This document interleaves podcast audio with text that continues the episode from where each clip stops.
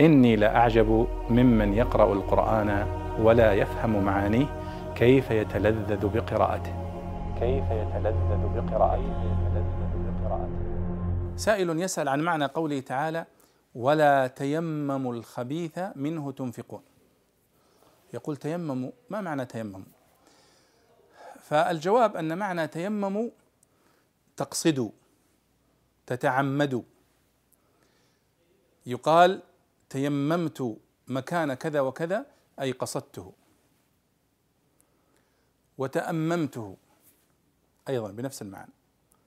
فالله يقول في هذه الآية يا أيها الذين آمنوا أنفقوا من طيبات ما كسبتم ومما أخرجنا لكم من الأرض. ولا تيمموا الخبيث منه تنفقون. يعني لا تقصدون وتتعمدون تذهبون إلى ما لديكم من الرديء من المال فتتصدقون منه. كمن يأتي مثلا إلى غنم له فيأتي فيخرج الصدقة من اردأ هذه الغنم. أو من يكون لديه بر أو شعير أو تمر فيأتي إلى الرديء منه ويتصدق. ولا تيمموا الخبيث منه تنفقون أي ولا تقصدوا وتتعمدوا إخراج الرديء من مالكم فتتصدقون به. ولذلك الله سبحانه وتعالى قال لن تنالوا البر حتى تنفقوا مما تحبون وليس من الرديء.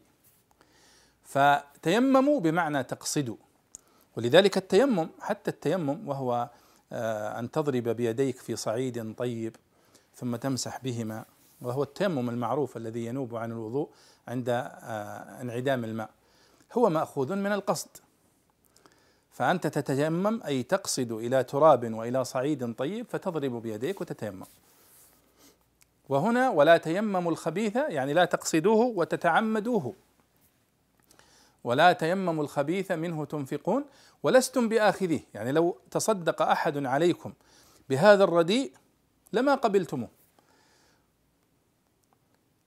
ولا تيمموا الخبيث منه تنفقون ولستم بآخذيه إلا أن تغمضوا فيه.